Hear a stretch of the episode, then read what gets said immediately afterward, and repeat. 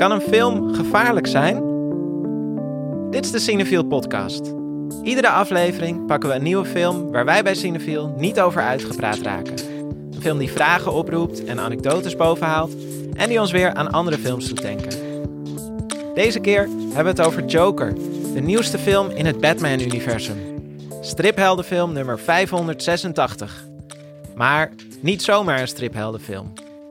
Deze zomer verslikte de wereld van de highbrow film zich collectief in de champagne toen Joker de Gouden Leeuw won op het prestigieuze filmfestival van Venetië. My mother always tells me to smile and put on a happy face. She told me I had a purpose to bring laughter and joy to the world. In Joker is er nog geen Batman om de stad schoon te vegen. In Gotham City lopen de ratten over straat en hebben criminelen vrij spel. We volgen Arthur Peck, gespeeld door Joaquin Phoenix, met de maniacale overgave die we van hem zijn gewend. Arthur woont bij zijn moeder en heeft een baantje als clown. Zijn collega's vinden hem een weirdo en dat snappen we wel. Het duurt niet lang tot hij ontslagen wordt. Ook zijn carrière als stand-up comedian is geen succes. Dan knapt er iets bij Arthur. En zo wordt de Joker geboren. Is it just me? Or is it getting crazier out there? De Joker neemt het recht zoals hij dat ziet in eigen hand. En voor hij het weet, heeft hij tot zijn eigen verbazing een leger van aanbidders. Mannen met clownsmaskers die zich tegen de rijke elite van Gotham City keren door s'avonds auto's in de fik te steken en mensen in dure jassen aan te vallen.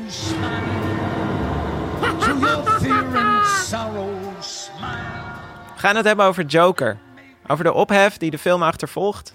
Over lachen op het verkeerde moment. En over de clownschoenen die Phoenix moest vullen. Mijn naam is Erik Schumacher en ik ben redacteur van Cineviel. En naast mij zitten mijn collega's Lauren Murphy en Jesse Heinis. Hallo. hallo. Hallo. Ik vroeg me af, hebben jullie wel eens gehad dat je naar een, een film zat te kijken en dat je eigenlijk best wel met de bad guy aan het meeleven was en na afloop dacht, eigenlijk vind ik dit achteraf niet zo oké hoe ik nu heb zitten meegaan.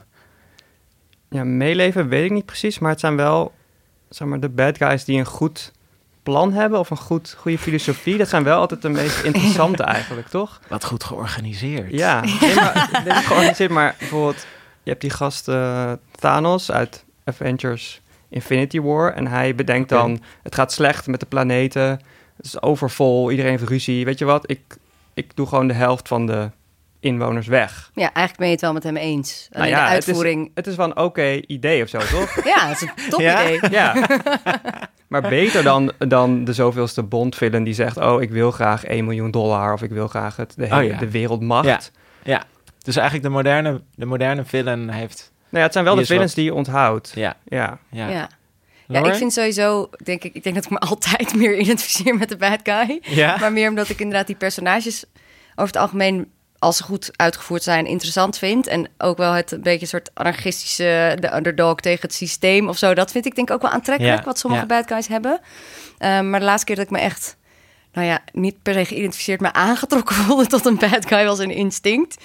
Die deze week eh, op 3 oktober in première gaat, het debuut van Lina Rijn. En daar speelt Marwan Kenzari, speelt een TBS'er, een verkrachter, ehm, die... Nou ja, die, die ook wel de ruimte krijgt om een heel gelaagd personage te zijn. En die hele film gaat er ook over dat een psycholoog, gespeeld door Carice van Houten, hem ook heel aantrekkelijk vindt. Dus Ja. eigenlijk, ik zat, ik zat daar gewoon best wel van mm, af en toe. Terwijl dan dacht ik ook, hè, wat gebeurt hier? Ja? Dat vond ik wel interessant. want Ik denk dat dat ook het doel is van die film. Dat je dat ervaart. Maar waarom hebben ze hem dan dat kapsel gegeven? Ja, weet ik niet, maar ze hebben hem ook dat lichaam gegeven. Althans, Dat hij heeft had hij zichzelf dat lichaam gegeven, ja. Eh, ja, ondanks het kapsel, kan je nagaan. Ja. Ehm, dus nee, ja, het is, ik denk, ik ben het wel eens met wat- wat Jesse zegt. Van vaak als de bad guys de ruimte krijgen om hun plan, en dat plan is goed, uit de doeken te doen, dan ga je tot een bepaald punt ga je mee, omdat het plan eigenlijk best goed is, totdat je dan opeens de gevolgen ziet en denkt, oh wacht even. Ja, ja. Ik had het heel erg met, met Spring Breakers bijvoorbeeld. Oh ja, Dat ik ook echt... eh, ik, ben, ik vind dat vaak gewoon heel aanstekelijk als mensen gewoon zeggen... fuck dit, fuck, Fuck school, system, ja. fuck mijn baantje. Kom, eh, we gaan hier, oh, wapens, weet ik veel, lachen. Ja. En dan opeens, eh, ja, zijn er dan die gevolgen. Ja, Ehm, ja dan maar, vallen er toch doden. En denk ja, omdat hmm, het, ja, het is ergens voel je dan van, oh ja, ik snap dit wel, ik denk dit ook wel eens of zo. En dan, oh ja, maar dit. En ik snap hoe aanstekelijk het kan zijn. Mhm. Ja, ze Ehm. doen misschien ook wel wat, wat veel mensen denken. Als je gelooft dat mensen een goede en een kwade kant hebben, dan belichamen ze de kant die je misschien niet vaak genoeg de ruimte geeft, maar die misschien iedereen wel heeft. Of in ieder geval wel eens over nadenkt. Ja, eh, er is bij eh, Joker eh, flink discussie over. Eh, over eh, ja, hoe dat werkt eigenlijk met, met eh, ja, bad guys die, waar je misschien, die misschien te veel een held zouden kunnen zijn. Mhm. Ehm, waar, waar gaat die ophef precies over? Ja, ze, kijk, het, het, hij is in de film een bepaald personage wat nogal veel doet denken aan ehm, de lone shooters in Amerika bijvoorbeeld op dit moment. Ehm, dus een, een man, een witte man die geen genegenheid krijgt van vrouwen. Dus in, het, in de echte wereld heette dat dan incels, involuntary celib celibists? Nee, wat is celib, celibate? Nou, Celibatic? ja, en het zijn in ieder geval celibatoire, maar ze willen ja, ja, het niet. Ze hebben geen seks, maar ze willen Maar ze wel willen seks. het wel, ja. Ehm, en die zitten dan op fora zoals 4chan en hebben het over wat ze vrouwen allemaal aan willen doen. Er zijn een aantal shooters geweest die ook nou ja, zo'n achtergrond hadden.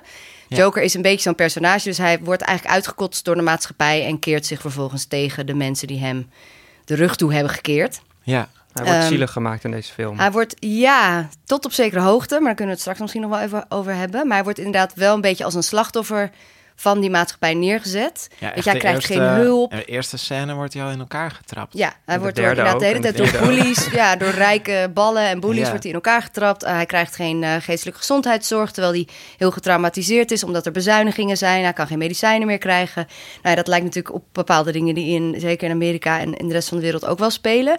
Ehm, daarnaast is er ook in 2012 een shooting geweest in Aurora in Colorado bij een screening van The Dark Knight Rises. Ja. Dus er kleeft aan Batman en die hele serie ook al dat verhaal. En de man die dat toen heeft gedaan, dat is ook een beetje zo'n man. En daar hing toen ook eh, iets omheen. Waar de, daar zijn de meningen over verdeeld. Maar er werd in ieder geval gonstende geruchten dat hij zijn haar toen ook groen had geverfd. En zich En voorstelde ja. als de Joker. Ja, hij heeft zijn haar rood geverfd. Ja, dus dat is wel op de, op de foto te Precies. zien. En er is toen... Eh, ja. Ja. Ja. ze weten niet zeker of dat dan iets is wat door het internet is opgeblazen. Want er zijn dus ook mensen, want dat was dan in New York, had iemand dat gezegd, Ja. een politiecommissaris. Ja. Terwijl ze in Aurora zeiden, hè, nee, dat is helemaal nooit gebeurd. En hij Nee. zelf ook zei, ik heb me nooit ik, daardoor laten inspireren. Nee, de, eigenlijk de plaatselijke politie zei... we hebben geen eh, aanwijzingen dat hij een soort Nee. Batman-obsessie had. Hij had wel een Batman-masker. Ja, maar, dat, dachten- maar dat ja. had hij dan waarschijnlijk gekocht nadat hij al had besloten dat hij naar die specifieke voorstelling zou gaan. Wat gewoon de drugsbezochte, want het was opening weekend, voorstelling was waar hij op dat moment naar naartoe kon. Maar goed, Ja. dus dat, dat speelt. En toen Maar het is wel interessant dat de media daar, dat dan...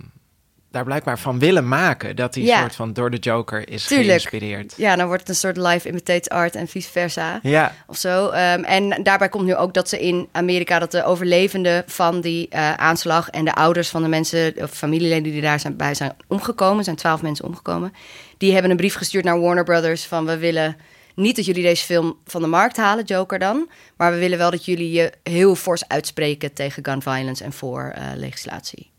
Dus, ehm, nou ja, dus dat speelt allemaal mee. Dus en vervolgens wint zo'n film de Gouden Leeuw. Maar zijn er ook heel veel mensen die zeggen: is dit niet een film die eigenlijk gewoon iemand ten tonele brengt waar, waar andere mensen zich door geïnspireerd zouden kunnen ja.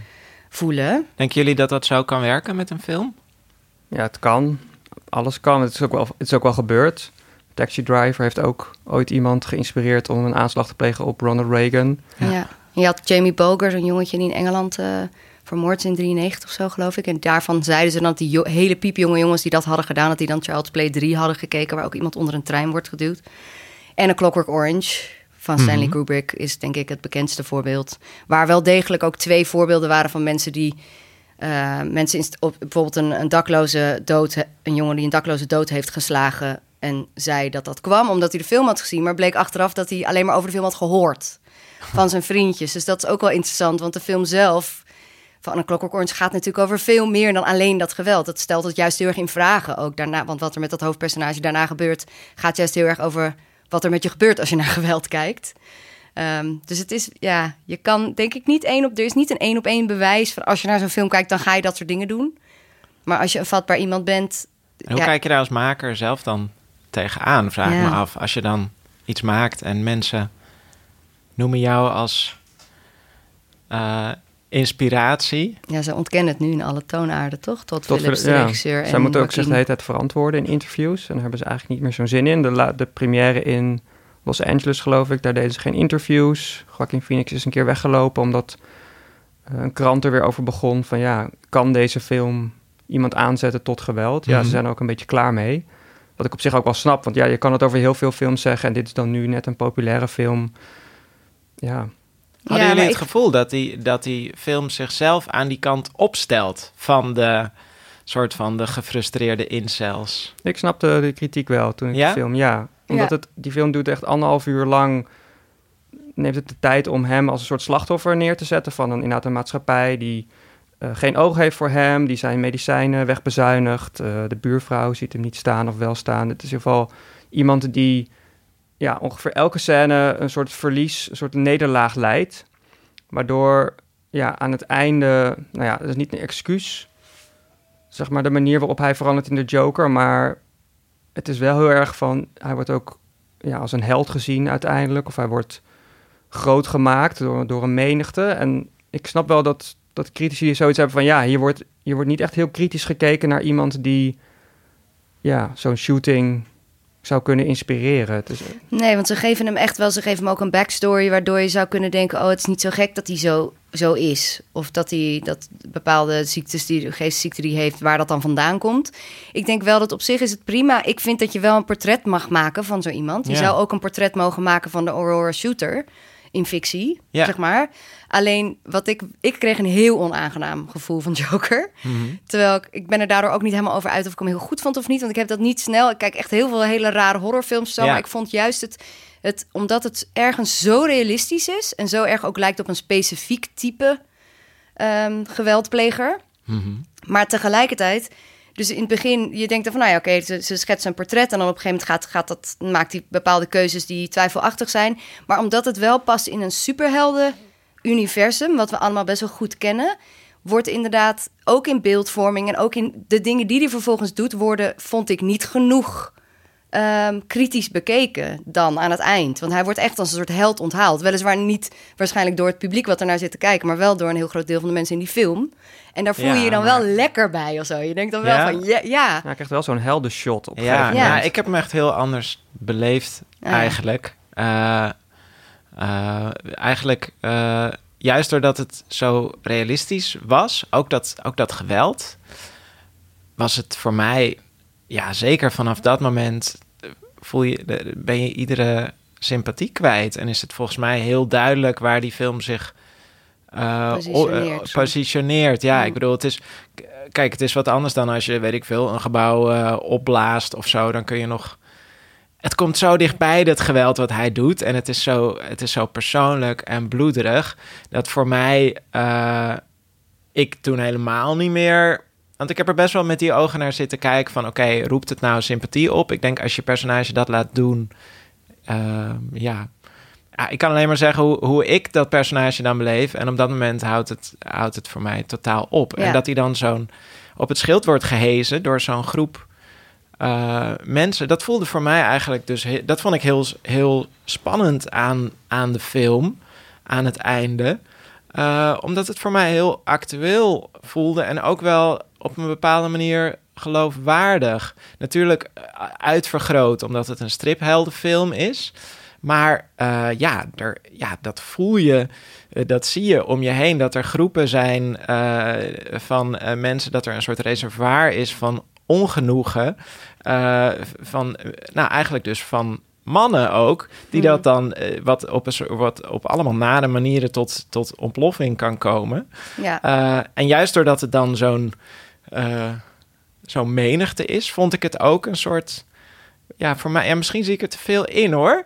Maar daar zag ik weer een soort commentaar op. op dat hele probleem van dat lone wolf fenomeen. Mhm. Van dat die mannen altijd worden neergezet als een soort eenzame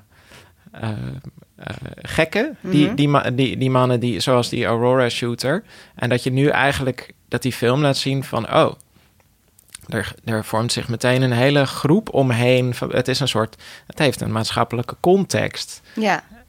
Maar ik denk dus wel in de verkeerde handen. Ik zeg niet dat het niet mag, zo, maar ik denk dat in de verkeerde handen al die nuance misschien wel verloren gaat. Ja. En voor mij zit dat dan denk ik wel, wel in het feit dat het, ondanks dat het maar heel subtiel refereert aan Bruce Wayne en Batman en het hele DC Comics verhaal, weet iedereen dat natuurlijk wel. Dus ook de mensen die dit potentieel zou kunnen aanspreken op een positieve manier, die zien het. Ja, ik denk dat je dat dan toch meeneemt en denkt van dit is een dit, dit, wordt later die Joker waar iedereen ook mee weg is gelopen natuurlijk de afgelopen jaren. Het is een super interessant ja. personage. Iedereen kent hem ook wel. Dus ik vond op de een of andere manier die, die mix tussen hyper, bijna sociaal realisme binnen een comicboekwereld net een stapje te ver. Dus ik, ik werd er ongemakkelijk van.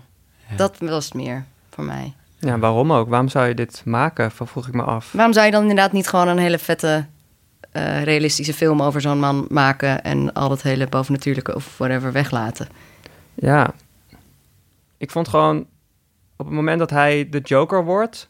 En, en, en je krijgt een beetje wat meer kleur en wat meer spektakel in die film. Toen dacht ik, ja, dit is, dit is wat de Joker is. Dit is wat een stripverfilming is. Het is larger than life. Het is, je weet niet wat er gaat gebeuren. Dit, terwijl anderhalf uur daarvoor is hij een soort van box, boxbal... waar iedereen maar uh, lekker op in mag uh, beuken.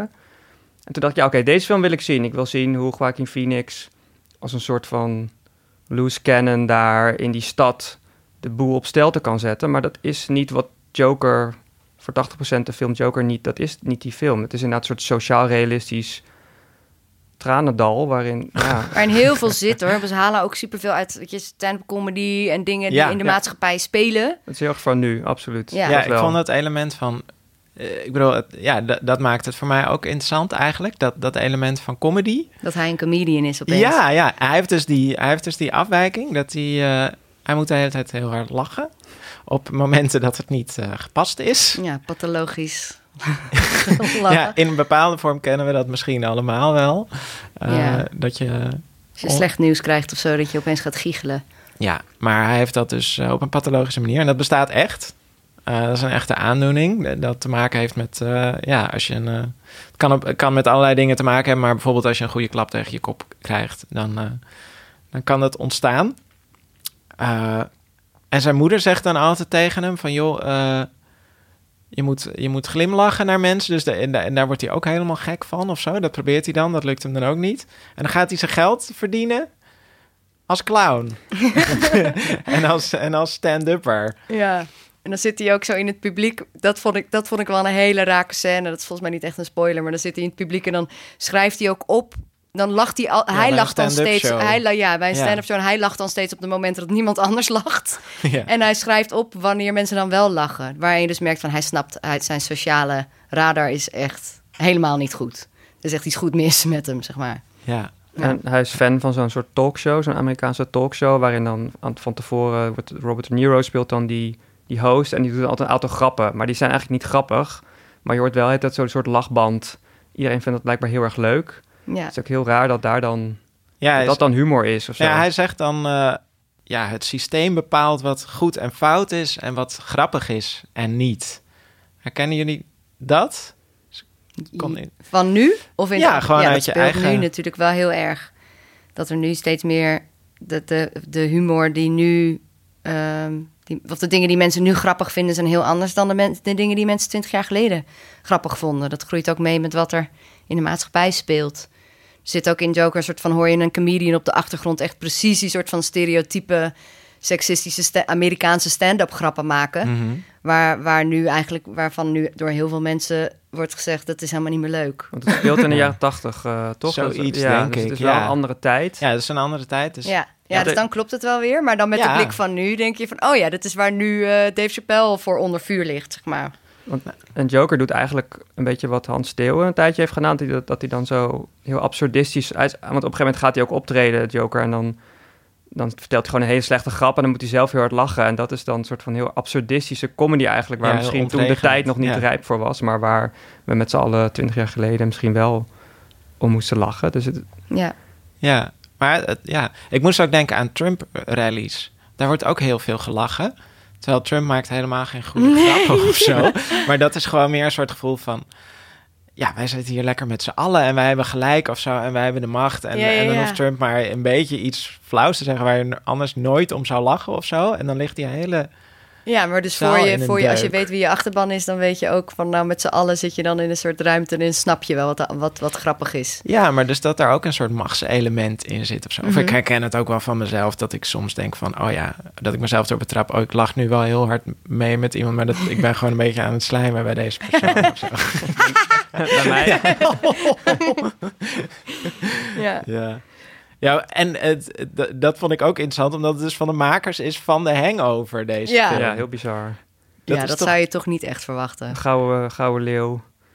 ja. De maker van de Hangover. Ja. Geproduceerd ook door, door Bradley, Cooper. Ik vond de Hangover ook wel heel grappig trouwens. Maar ik vraag me ook af of, die nu, of dat nu nog net zo grappig zou zijn. Ik heb hem niet herkeken. Nee, volgens mij als je hem nu zou herkijken, is hij heel snel... Uh ingehaald. Er zit toch zo'n soort Aziatisch personage in? Ja, die herinner ik me ook als dat ik die echt helemaal niet grappig vond. Dat ik altijd dacht, kan die snel, kan deze scène snel voorbij?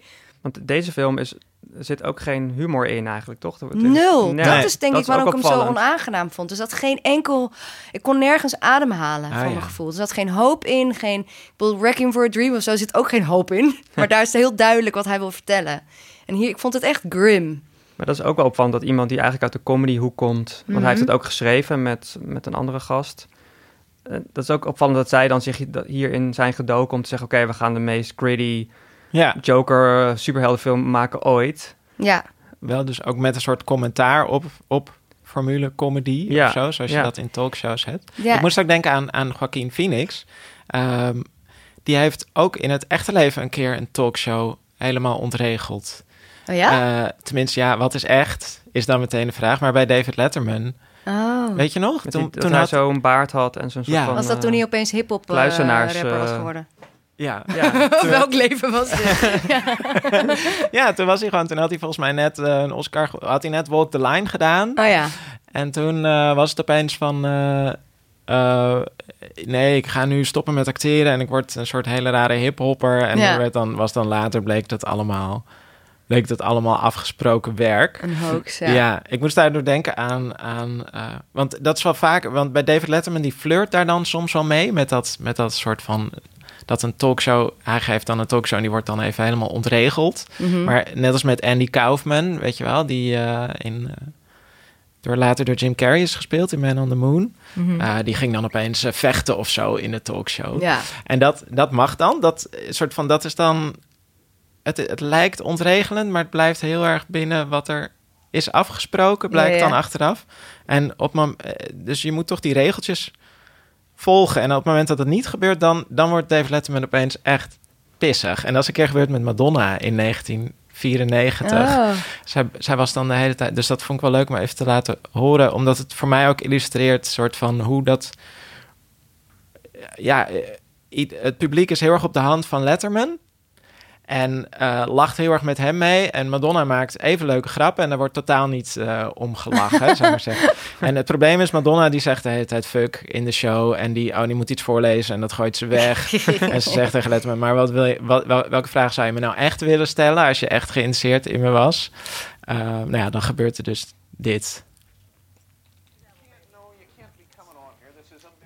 You can't, no, you can't be coming on here. This is American television. You can't be talking like that. Now we're going to have to. Why? Have, well, because people don't want that in their own homes at 11:30 at night. They don't.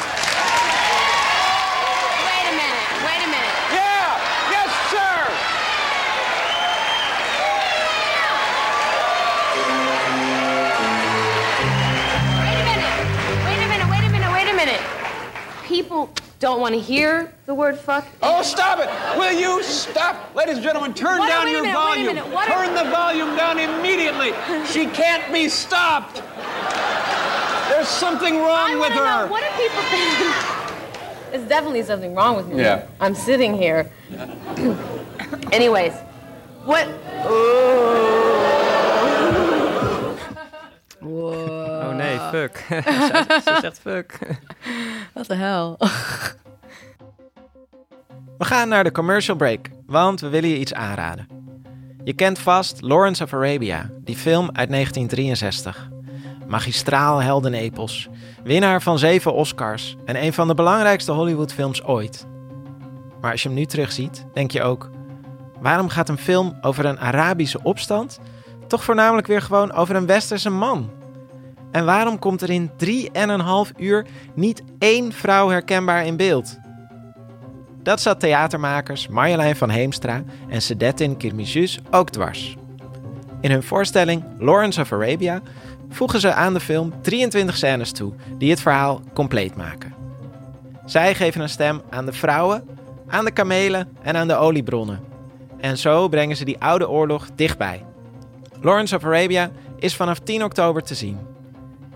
Eerst in Amsterdam en dan in een stad bij jou in de buurt. Tot en met 2 december.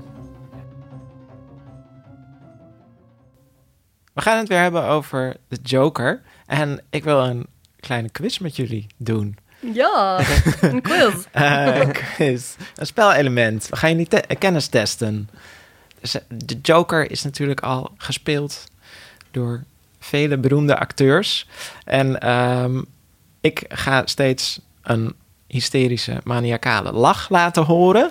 Jij zelf? ja, ga nee. Dit is... Uh... nee. Um, we hebben, ik, we hebben, ik heb daar fragmentjes van meegenomen. Ah, jammer. en uh, we, laten, we starten het fragment in.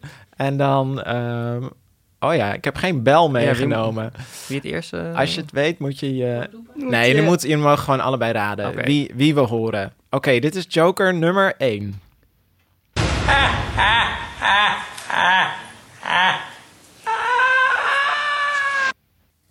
Ik weet het niet. De, de mislukte Joker, Jared Leto. Ja, je hebt hem goed. Ja, oh, die heb ik echt vermeden. ik weigerde die film te zien. Dat is ook heel slecht. Uit Suicide Squad ik ben, er, uh, ik ben er uitgelopen. Dus ik, oh, weet, ja. ja. dus ik heb uiteindelijk um, volgens mij zijn meeste scènes gemist. Of zo? Het zijn er maar twee of drie. Het is oh. heel sneu, want hij heeft dus net... Hij was dan de eerste na, na Heath Ledger en er ligt dan heel veel druk op. En hij heeft daar ook heel veel werk van gemaakt door, door op de set zich ook als een, als een klootzag... Uh, ja, hij ging, van zijn collega's ja, te leggen. Allemaal, gebruikte condooms op zijn ja. geloof ik. zo, heel veel naar zijn mede-acteurs. Dat is echt Ja, blijkbaar mag dat als je de Joker speelt. Ik weet het ja, niet. Ja, maar ik las ook dat hij dan bij de, bij de rap party ging je allemaal dat soort grappen uithalen. Toen het voorbij was al de Ja, dan denk ik van, nou oké, je kan zeggen het is van mijn rol nodig dat ik jou een gebruikt condoom stuur. Tot dat vind ik dan wel weer leuk. Maar bij de rap party, het staat er al op. De, film, de opnames zijn klaar. Kappen, Kappen. Jared. Ja. Kappen nou. nou ja, het resultaat was dus ja, twee scènes en een hele slechte film. En ook niet zo'n goede lach als buitenstaander nee. die hem niet heeft gezien, vond ik, vond ik hem ook niet zo sterk. We gaan naar de volgende lach, de volgende Joker.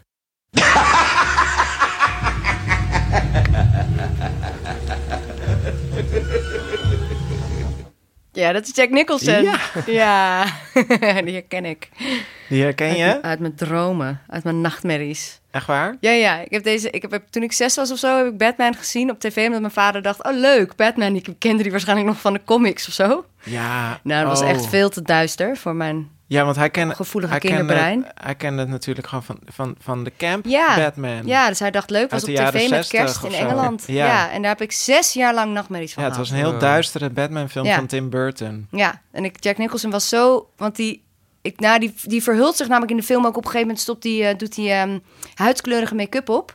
En dan gaat mhm. die andere mensen ook jokers maken. En op de een of andere manier is dat heel erg in mijn hoofd blijven zitten. Dus het ging bij mij heel ver dat ik op een gegeven moment dacht dat mijn moeder de joker was.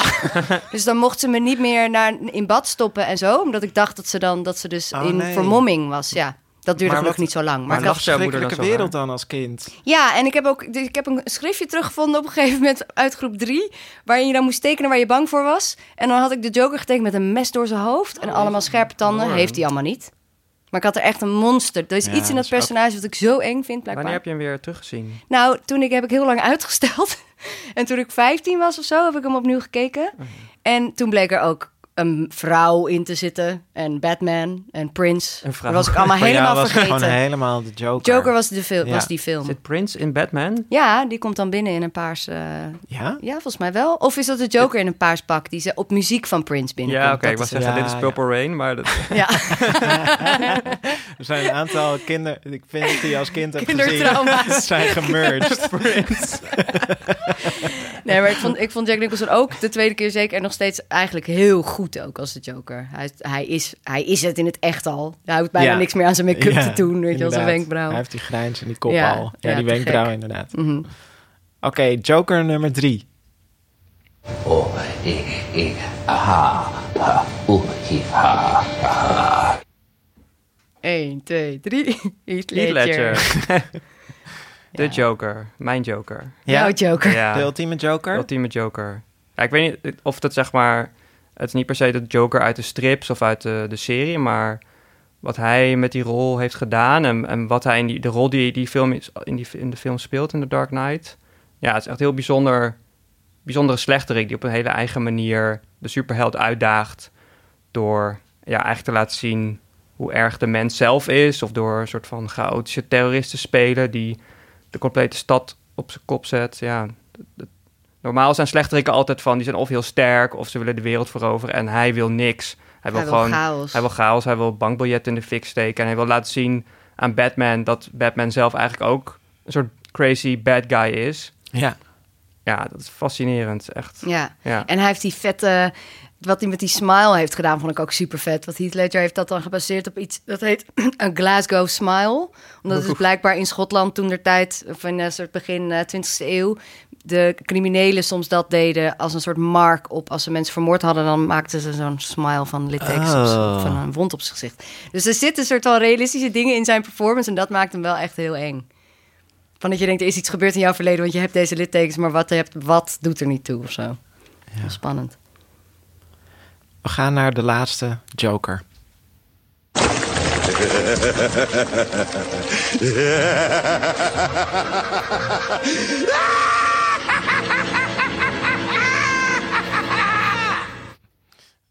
Luke Skywalker. Ja, ja. Had je hem ook herkend, Lauren? Nou, ik, zat ik zo te glunderen. Nee, maar ik vond het een hele leuke lach. ik vond het een fijne opbouw. Is Mark Hamill in de, in de, in de animatieserie. Volgens mij vinden heel veel mensen hem ook in die zin de beste. Ondanks dat het alleen zijn stem is, maar door veel fans wordt hij wel als een van de betere of de beste. Ik vind het ook wel de, de beste lach misschien. Ja, ja hij heeft echt een goede lach. Ja. Of in ieder geval een soort van, als je het als soort van cartoon personage benadert, dan, dan doe je het niet snel beter dan dit. Maar ja, hij wordt gewoon helemaal tijdens zijn lach helemaal gek. Dat hoor je. Hij verliest het gewoon compleet. ja. Hij is wel ook de meest, uh, in die zin, een soort de meest on, zeg dat, ongevaarlijke Joker. Omdat het was een, een, een animatieserie die op zich wel een beetje donker was. Maar er mocht niemand in dood. Dus het enige wat hij doet is inderdaad met dat lachgas waar jij zo bang voor was, ging hij allemaal soort van smileys maken bij gewone mensen. Maar het, hij heeft echt nul body count. Dat is dan het is ook een hele moderne film. Er zit allemaal lachgas in. Misschien is de Joker hier in de grote steden in Nederland ook wel uh, huis aan het houden. Als je kijkt naar alle patronen op straat. ja, nou, hij heeft dat echt hij heeft dat twintig jaar gedaan. Uh, gewoon in, in, ja, in, in allerlei tekenfilmseries waarin dan uh, ja, waarin de Joker verscheen. Dus, hij, ja, dus je kunt eigenlijk wel zeggen dat Mark Hamill. Ik wist dat dus heel lang niet. Ik dacht, oh, Mark Hamill is na Star Wars gewoon. Ik wist dat ook niet. Uh, in dat hutje aan de drank gegaan. Ja, aan de drank gegaan. Maar, zo te horen. Ook, zo ook. wel ook wel niet anders. Nee, hij is wel een veelgevraagd stemacteur, geloof ik. Ja. En niet alleen Joker, maar ook wel andere dingen. Heb je, Jesse, heb jij de Lego Batman movie gezien? Zeker, ja. dat dacht ik al. Dat zijn wel eigenlijk twee van jouw passies die daar samenkomen, toch? Ook nog een hangover. Lego en Batman. Ja, ik wist niet van je Lego. ja, ik heb wist je dat niet? Nee. er staat Lego op mijn bureau, Lauren. Van Batman. Klopt, ja. staat Batman ja, van Batman, dat wist ik wel. Oh, ja. nee, jij bent gewoon wel, wel ook Lego. Jij, jij zit toch regelmatig zit op Lego, Lego Nee, niet meer. Niet, niet meer. Nee, ik heb twee of drie jaar geleden wel de, de Millennium Falcon van Lego gekregen. Maar dat is dan in twee avondjes is het in elkaar. En vroeger als kind ging je er dan mee spelen of je sloopte het en dan moest je het weer in elkaar zetten. Maar ja, ik, ga, ja, ik ben nu toch wel... Je staat nooit thuis zo... Nee, nee, nee. Oh. Geen nee. lightsaber. Ik leen, hem uit, ik leen hem uit aan mijn neefjes dat, en nichtjes. ja. Maar er zit inderdaad opnieuw een hangover ja. link in. Zack California. California California. Die doet van Between Two Ferns, weet wel. die speelt de, of die heeft, doet de stem van de Joker, ja. In de ah. Batman, de Lego Batman movie. Is dat, uh, is dat leuk? Ja, het is heel leuk, omdat... Uh, ik weet het niet precies meer, maar volgens mij is de premisse van die film... en in de openingsscène zit dat... Uh, zegt de Joker tegen Batman van... ik ben toch jouw favoriete slechterik. Mhm. En dan zegt Batman zoiets van, nou, I'm, I'm dating around. Zo van, ja, ik heb wel meer favoriete slechterik. Bane. Ja, Ja. Bane vind ik mijn favoriet. Maar ja, de ene week die. En de Joker is echt beledigd. Die, ja, die is echt in zijn hart geraakt. Omdat, ja, die twee zijn toch aan elkaar verbonden eigenlijk voor, voor, voor altijd. Dus, ja, maar je hebt er maar Batman, die is stoïcijns. Die heeft een zwart pak aan. Die wil zijn enige regel is dat er niemand dood mag. En houdt van orde. En Ja. en dan heb je de Joker en die is eigenlijk zeg maar het tegenovergestelde. Die is lekker outgoing en die, iedereen mag dood en die draagt, draagt een paars pak met een wit gezicht. Ja, dat is gewoon... eh, In, in The Dark Knight zegt de Joker ook tegen Batman van... You complete me, weet je wel? Ze hebben elkaar gewoon nodig. En dat, in, in de- Lego Batman, Batman movie is dat dan dus... de motivatie voor de Joker om, om Batman... ja, echt even dwars te zitten. Want hey, hoe, hoe, hoe durf je te zeggen dat ik niet jouw one and only arch enemy ben? Ik vond het wel, ik vond het wel cool in, in Joker, dus de film waar we het nu over hebben, even Oh ja. voor de duidelijkheid. Eh, ehm, dat, daar zit dan de vader van Batman in. En die zegt dan op een gegeven moment zo van... eh, ja, eh, dat, dan, heeft, dan heeft Joker dus iets, eh, iets verkeerds gedaan in, met zijn schmink. En dan zegt hij, ja, die lafaard met zijn masker op. Oh ja. En Ja. toen dacht ik, oh ja, ja, hey, Batman, die Batman. loopt ook gewoon rond. eh, Ja, Met de maskers. Ze Sterker hebben ook die wel heeft iets een masker. gemeen. Joker heeft eigenlijk Ja. geen masker op. ja. Ja. Dus ze zijn elkaars tegenpolen, maar ze hebben eigenlijk ook wel... Ze zijn allebei... Ze nemen allebei het recht in eigen hand of zo, kun je Ja. zeggen. Maar ik vind het wel interessant dat volgens mij Joker ook voor heel veel mensen in het publiek een soort favoriet is. Anders hadden ze deze film ook niet gemaakt. Anders had ik misschien ook ni- niet al die nachtmerries over hem gehad. Dus je iets hebt in geen film over de penguin. Nee, die vond ik ook wel heel leuk trouwens. Oh, Riddler vond ik zo vervelend. Riddler is een Joker rip-off, toch ja, een eigenlijk? beetje een nep Joker. Ja, maar er is, het is iedereen's favoriete slechterik. Het is gewoon heerlijk om naar hem te kijken. Ook omdat hij, hij geniet... Hij geniet gewoon super erg van wat hij doet. Dat maakt hem anders dan... dus Dat is sowieso natuurlijk in comics dat de villains dat wel meer hebben dan in een seriemoordenaar film of zo. Maar hij, ik moet ook altijd denken aan dat shot van Heath Ledger in die auto in The Dark Knight. Dat hij met een soort van bijna als een soort hond met zijn tong uit zijn mond van chaos, weet je wel. Dat is gewoon heel... Ja, mensen willen, willen dat zien. Ja. En hij is als altijd, zeg maar, verrassend. Hij doet altijd hele rare dingen of zo. Zeg maar, een, hij trekt een enorm pistool uit zijn broek die dan vijf meter lang blijkt. Of, nou ja, het is gewoon Het is een showman. showman, ja. En Ja. dat zit in Joker dus eigenlijk bijna niet. Tot op Ja, behalve dat hij gaat dansen. Dat Ja, deed me trouwens dansen, ook ja, wel heel dat- erg denken aan een Clockwork Orange. Of aan het personage in eh A Clockwork Orange, die Alex. Die gaat dan op een gegeven moment ook Singing in the Rain zingen... terwijl hij een overval pleegt en mensen heel naar in elkaar aan het slaan is. Het scheen dan geïmproviseerd te zijn door Malcolm McDowell... die acteur die hem speelt. En ja, ik heb een fragmentje gevonden waarin hij uitlegt... wat er zo aantrekkelijk is aan dat soort, soort theatrale slechterikken. Why do you think some people took offence to the film? Well, they, they didn't like to see uh, a character that one ultimately felt sympathy with um, kicking an old man and raping a, a, a woman, you know, and and, uh, and sort of enjoying it. That's what really uh, people couldn't take that. But that, of course, was why the film was so, so successful. Was because um, uh, it, it it really did appeal, I think, to all spectrums, you know, uh, just people that wanted a thrill of just to go and see this gang uh, ripping it up. Um, then for people that wanted to, you know, that had, was slightly more intelligent or wanted to do a little more from the film, something to think about it, that it also had that. Is, is er in al die stripheldenfilms die worden gemaakt... Is er, is er iemand, een ander personage over wie je zo'n film zou kunnen maken als Joker? Zo'n een realistisch, een realistische take Een soort op zo'n personage. Taxi Driver, Clockwork Orange-achtige film. Is er een ander personage dat interessant genoeg is en kwaadaardig en aantrekkelijk? Nou, ik weet Of niet dat- of het er is, maar ik weet wel zeker dat ze het nu allemaal gaan doen. Ja, Want deze film heeft prijzen gewonnen, heeft heel veel ge- gaat waarschijnlijk heel veel geld op, opbrengen. ja. Ik weet ook dat ze zijn bezig, of dat die komt binnenkort wel uit Birds of Prey, met waarin eh Harlequin, de vriendin van de Joker, ja. ook haar eigen film krijgt. Nou, dan ben ik Margot- daar. ben- Margot Robbie ook weer? ja, Margot Robbie speelt. En dat is zeg maar, zij komt dan uit Suicide Squad. Dus je hebt dan deze Joker, maar die Joker uit Suicide Squad, Jared Leto, die is opeens weg. Of ze gaat scheiden van hem, maar dat universum bestaat nog steeds of zo. Dus daar worden nu ook nog films over gemaakt. Maar goed, dat ziet er heel kleurrijk uit. Het, is, het is, wordt geregisseerd door een vrouw, geschreven door een vrouw, hoofdrollen voor alleen maar vrouwen. Daar heb ik wel zin in. Dat wil ik wel zien. Maar ik ben bang dat we nu inderdaad de Penguin, uh, greedy Penguin film krijgen. En ja, toch? Dat gaat toch gewoon gebeuren. Dat, is nu de jeugd. Ja, maar dat weet ik niet. want de, want de Penguin is wel. Die, ja, maar die is ook een soort. Die heeft wel. Die is half Penguin, half mens ongeveer of zo. Hè? Dus het is wel moeilijker om over hem. Ja, maar dan kan je ook een, een horrorfilm van maken of zo. Ja, ja, maar het, aan de joke is natuurlijk wel dat hij daarom is. Daarom denk ik dat mensen er ook over vallen dat het een gevaarlijke film zou zijn. Is omdat hij best wel real al was, ook in de kern. Ja, hij, wat jij net zegt, hij trok af en toe een heel groot, vijf meter lang pistool uit zijn zak. Maar in principe, zonder achtergrondverhaal, is hij gewoon een man waar iets geks mee is gebeurd. die gekte wil verspreiden en niet heel veel meer dan dat. Ik weet niet of er andere personages zijn die zo menselijk zijn. Ja, ik heb niet zoveel. Ik, ik stel die vraag ook omdat, omdat ik zelf dus niet zoveel. Ik ga eigenlijk heel weinig naar stripheldenfilms. En uh, het is gewoon niet zo mijn ding. En de Avengers en zo, dat vind ik eigenlijk dan... Ja, dat zie ik... Maar als ik de trailer zie, dan denk ik... Oh, dit is saai. Uh, zo leuk nou.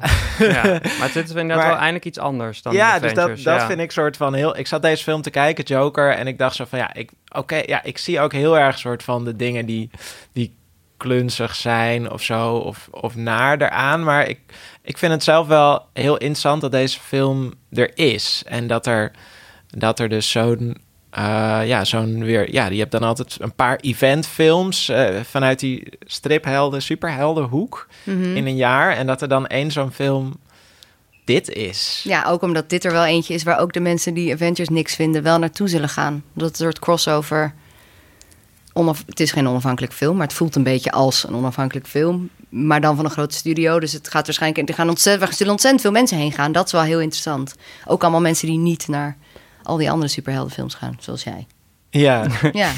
ik denk dat ze liever hebben dat alle mensen die naar die Avengers gaan naar de film gaan. gaat. Ja. Maar ik denk wel dat als ze dan nog meer personages gaan doen, dat het op een gegeven moment ook weer saai wordt. Dan moeten ze het weer opnieuw gaan uitvinden. Ja. Nu is het dan helemaal opnieuw uitgevonden. Maar dat kan je ook maar zo vaak doen. Ja, het, ja, het is wel. Want uh, Mark Maron zit ook in deze film, zo'n komiek. Die had laatst mhm. in zo'n talkshow ook weer allemaal mensen boos gemaakt omdat hij de Avengers afviel. Misschien wel leuk om even, even naar te luisteren. I have some issues with. You don't uh, like comic book movies? I have some issues with them, and uh, no, I generally don't like them because I, you know, I don't want to be bullied into seeing those. Look, Conan, I'm a grown-up. I'm not seven, and I think those movies are for, for you know, grown male nerd childs, and and and and. Oh, really? Oh, yeah. Right. Take the hit. You guys are in charge of culture. Now I gotta, I gotta go travel 15, 20 minutes to a smaller movie theater to see a grown-up movie with other grown-ups where we can all sit together and not understand the ending. You know, that's part of the experience. Absolutely. Oh, zo chill. In Amerika is het natuurlijk nog veel erger. Maar wij hebben gewoon Cineville en we kunnen op elke straat hoe kunnen wij een film zien die, waarvan je het einde niet begrijpt.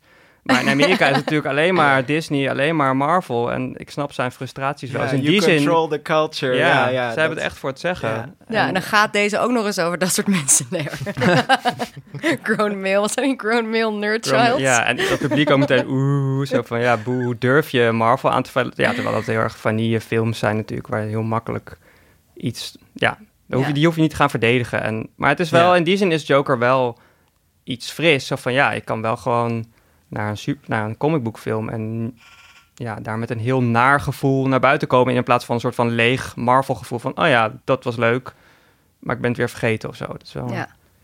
Heeft iemand gelezen? Ik heb dus niet gelezen wat de motivatie was van de jury in Venetië om deze film uh, te laten winnen. Ik weet dat Lucretia Martel hoofd van die jury was. Ja, van dat Zama. ja, van Zama. Ze is een soort van super highbrow arthouse regisseur, regisseur nou ja, die, waarvan ik echt niet had verwacht dat ze dit zo ontzettend goed zou vinden. Dus ik vind het wel heel, ik zou dat wel uh, graag willen lezen. Ik vind dat wel ook, dat veranderde mijn verwachting ook wel, waardoor ik die film misschien ook wat harder aanpak dan andere films. Dat ik echt denk, hoe, kan, hoe kan dit nou de Gouden Leeuw? Het is niet per se, ja, het is wel een film van nu en, en, en je krijgt wel een soort van nagevoel van, maar het is niet een hyper intelligente kunstfilm wat mij betreft. En dan denk ik van, ja, wat, wat heeft in, inderdaad bewogen om nu deze film Gouden Leeuw te geven, ja.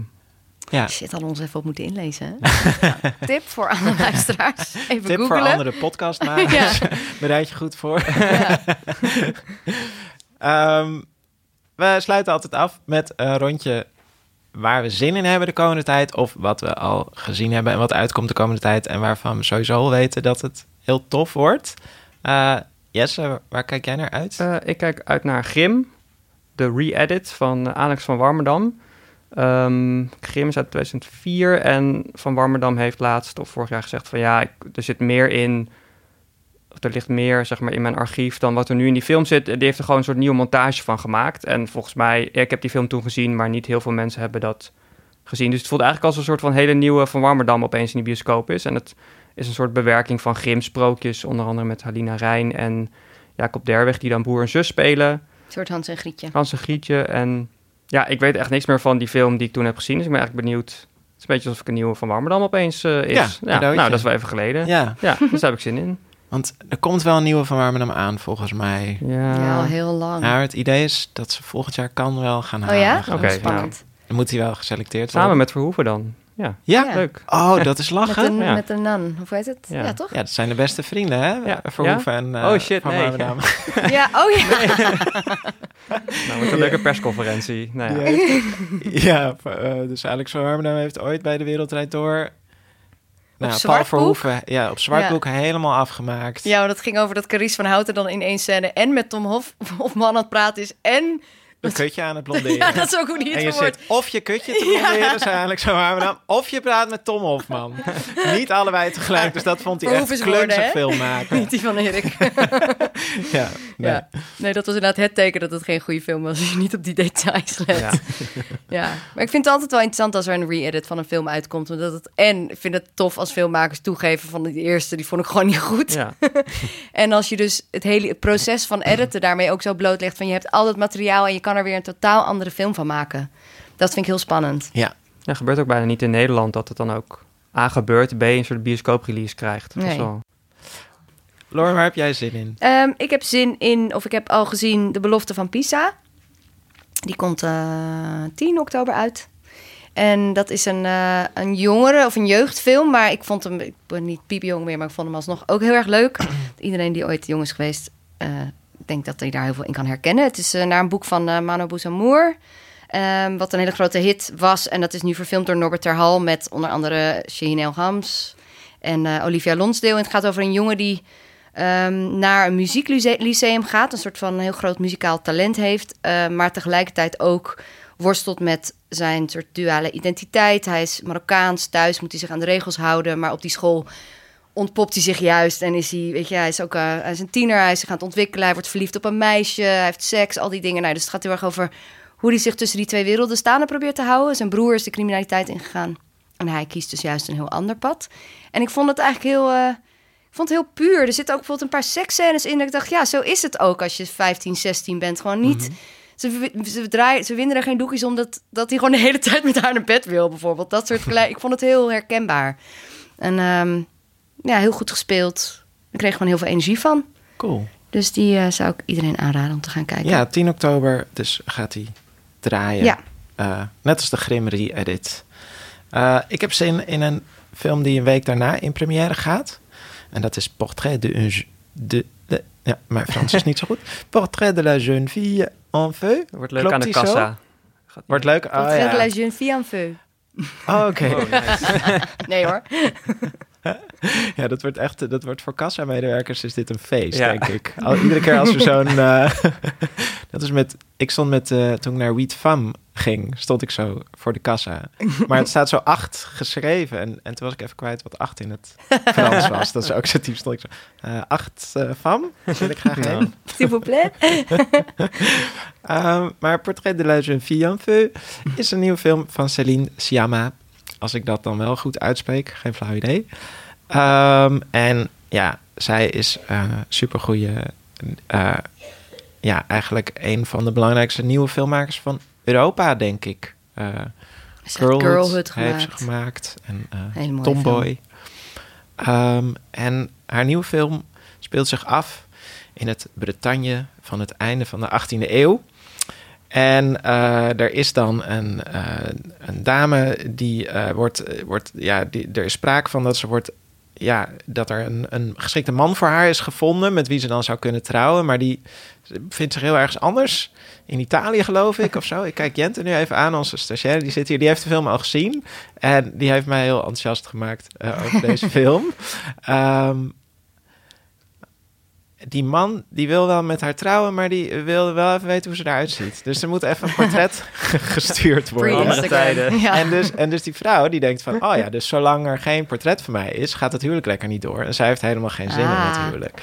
En dan wordt er een kunstenares ingehuurd, de zoveelste, om haar portret te maken. Ehm, maar dan ontstaat er eigenlijk tussen die vrouwen heel veel aantrekkingskracht. Um, het is een beetje alsof je met iemand aan het bellen bent, maar je wil niet met hem bellen. Zeg ja, ik rijd nu een tunnel in. Dat je dan. ja. Het duurt gewoon super lang voordat hij die dat schilderij krijgt. ja, dus dat. De movie. Ja.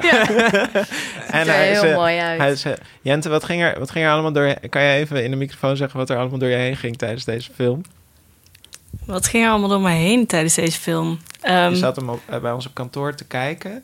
Ja, en toen, ik was, ik was om negen uur of zo, ik was best wel vroeg, dus het was heel rustig. En toen, natuurlijk net tijdens de super intense Franse seksscènes, kwam iedereen naar binnen. Wat is een Franse seksscène? Je weet wel. You know which seksscènes. nee, um, ja, het is, het is gewoon een heel erg mooi en intiem klein verhaaltje, wat gewoon heel... Uh, op een hele intense manier die, die aantrekkingskracht tussen die twee overbrengt. En ook. Het is ook heel interessant dat het gewoon op een soort van super afgelegen eiland tussen de rotsen, uh, zonder mannen inside, uh, allemaal gebeurt. Um, dus daar was ik vooral heel erg van onder de indruk van hoe, hoe anders het wordt als je zeg maar uh, een film kijkt over mensen die elkaar de hele tijd aan het begluren zijn. Um, maar dan met alleen maar vrouwen. Hoeveel impact dat heeft als je, als je buiten de context van de aanwezigheid van mannen vertelt. Ja, cool. Nou ja, super, super benieuwd naar. Ja. 17 oktober is hij te zien. Volgende keer hebben we hem allemaal gezien. Portrait de la jeune fille en feu. En kan ik hem heel goed uitspreken. Ik ga daar drie weken lang op oefenen. Uh, want daar hebben we het over bij de volgende Cinefiel podcast. Joker is nu overal in Cinefield te zien. Heb je voor ons een vraag of suggestie, kun je ons altijd mailen op podcast.cinefield.nl. En we zijn ook heel blij als je een rating of comment achterlaat. Bedankt Lieke Malkoor van Dag en Nacht Media, onze stagiair Jente Buskus en podcastredacteur Maan Milker. Tot de volgende keer.